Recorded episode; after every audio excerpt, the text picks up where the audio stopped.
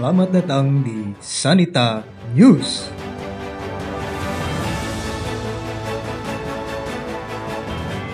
Belakangan viral beredar pernyataan soal penyerapan zat-zat dalam makanan yang berkaitan dengan diet. Dalam pernyataan viral itu, poros diet Tia Ariestia beranggapan bahwa ketika tubuh menerima asupan yang amat baik, makanan yang bersih akan terserap dengan baik buat tubuh kita.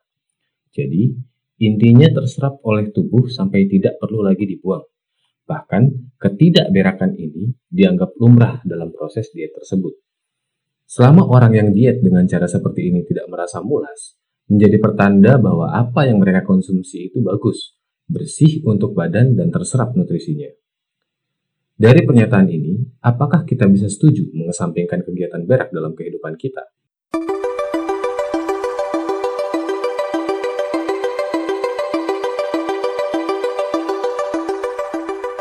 Selain mengeluarkan zat eks ekskresi atau zat buangan, berupa karbon dioksida, keringat, dan urin, manusia juga melakukan kegiatan berak atau yang seterusnya kami sebut defekasi untuk mengeluarkan sisa-sisa makanan yang telah diserap sari-sarinya.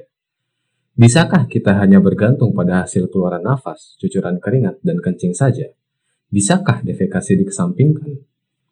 Berdasarkan disiplin ilmu biologi, ekskresi merupakan proses pengeluaran zat sisa metabolisme dari dalam tubuh ya, kalau teman berak, khususnya yang berkacamata, pernah suatu kali sedang lari pagi dan mengalami lensanya berembun, kemudian merasa kebelet karena perlu kencing dan berkeringat karena menahannya, ketiga hal itu merupakan respon tubuh terhadap zat-zat yang keluar dan harus dikeluarkan oleh organ-organ yang ada di dalam tubuh kita ya. Karena zat-zat tersebut bersifat racun bagi tubuh.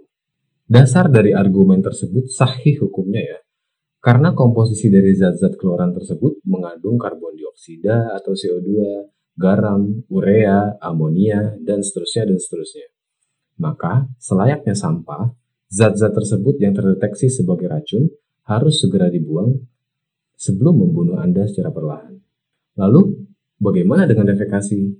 Singkatnya, defekasi adalah proses pengeluaran feses dalam konteks hewan dan manusia ya. Nah, Feses itu mengandung zat-zat sisa metabolisme juga, tetapi komposisinya sedikit berbeda.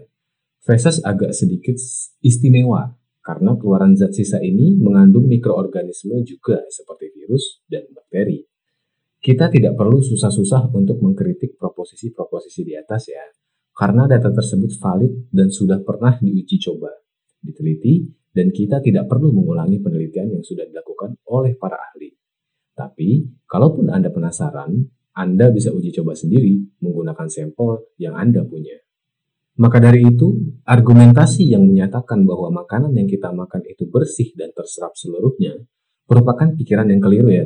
Teman berak kita, Mas Maman, memiliki contoh kasus serupa.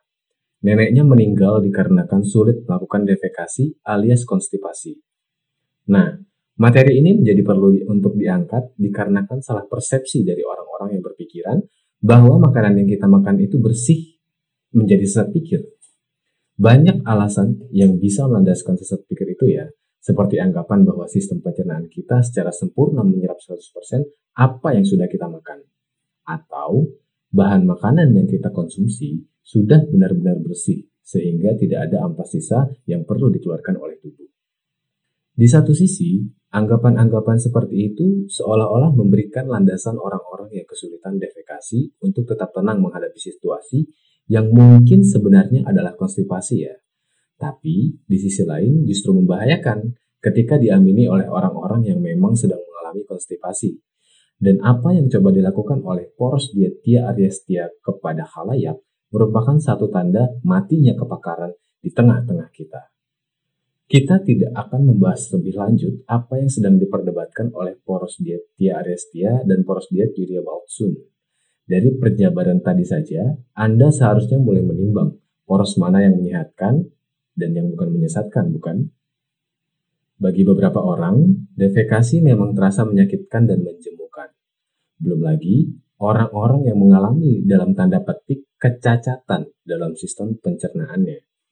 Pada kasus tertentu, orang-orang yang mengalami kesulitan ini biasanya menggunakan stimulus berupa cairan pelumas yang dioleskan ke suatu pipa khusus untuk kemudian dimasukkan ke dalam anus sehingga merangsang keluarnya feses. Pun tanpa adanya dalam tanda petik kecacatan dalam defekasi, usaha kita yang normal terkadang tetap melelahkan. Kita harus bergumul dengan aromanya, teksturnya, belum lagi hambatan-hambatan itu masih tabu ketika harus dibicarakan dalam obrolan kafe dengan kopi dan rokok atau obrolan pos ronda di tiap-tiap kampung sekalipun. Padahal, dengan mengenal lebih dalam jenis-jenis feses, mulai dari aromanya, warnanya, teksturnya, bisa menyelamatkan kehidupan dan kesehatan seseorang, bahkan satu kawasan. Pada episode pertama podcast BABS, Mas Maman pernah memberikan tips dan trik berupa peregangan pada saat melakukan defekasi dengan postur jongkok ya. Hal itu dirasa perlu supaya efek samping yang ditimbulkan dari kegiatan defekasi berupa kaki kesumutan itu bisa diredam, dikurangi, atau bahkan hilang oleh karena Mas Maman sendiri pernah mengalami efek lanjutan dari kesemutan itu, seperti pusing dan mata berkunang-kunang. Tapi, apakah metode ini cocok untuk dilakukan oleh semua orang? Belum tentu jawabannya. Karena apa yang dilakukan oleh Mas Maman belum diuji dan diakui secara ilmiah. Setidaknya, yang dilakukan itu mengembalikan lagi performa tubuhnya untuk kembali siap defekasi dengan postur yang sama. Kesimpulannya, banyak hal yang bisa kita ambil ketika kita saling bercerita mengenai defekasi sehari-hari ya. Minimal dua hari sekali kita harus mengalami hal itu. Pada level yang lebih lanjut lagi, ketika ketabuhan ini sudah kita dobrak, diharapkan kesehatan pencernaan dan kesehatan lingkungan di sekitar kita menjadi meningkat ya kita sama-sama bisa mengisi celah-celah konseptual atau jalan pintas defekasi untuk bisa kita nikmati. Defekasi ini sebetulnya tidak harus dilakukan setiap hari ya, walaupun dianjurkan. Pada umumnya kegiatan ini bersifat alamiah ya.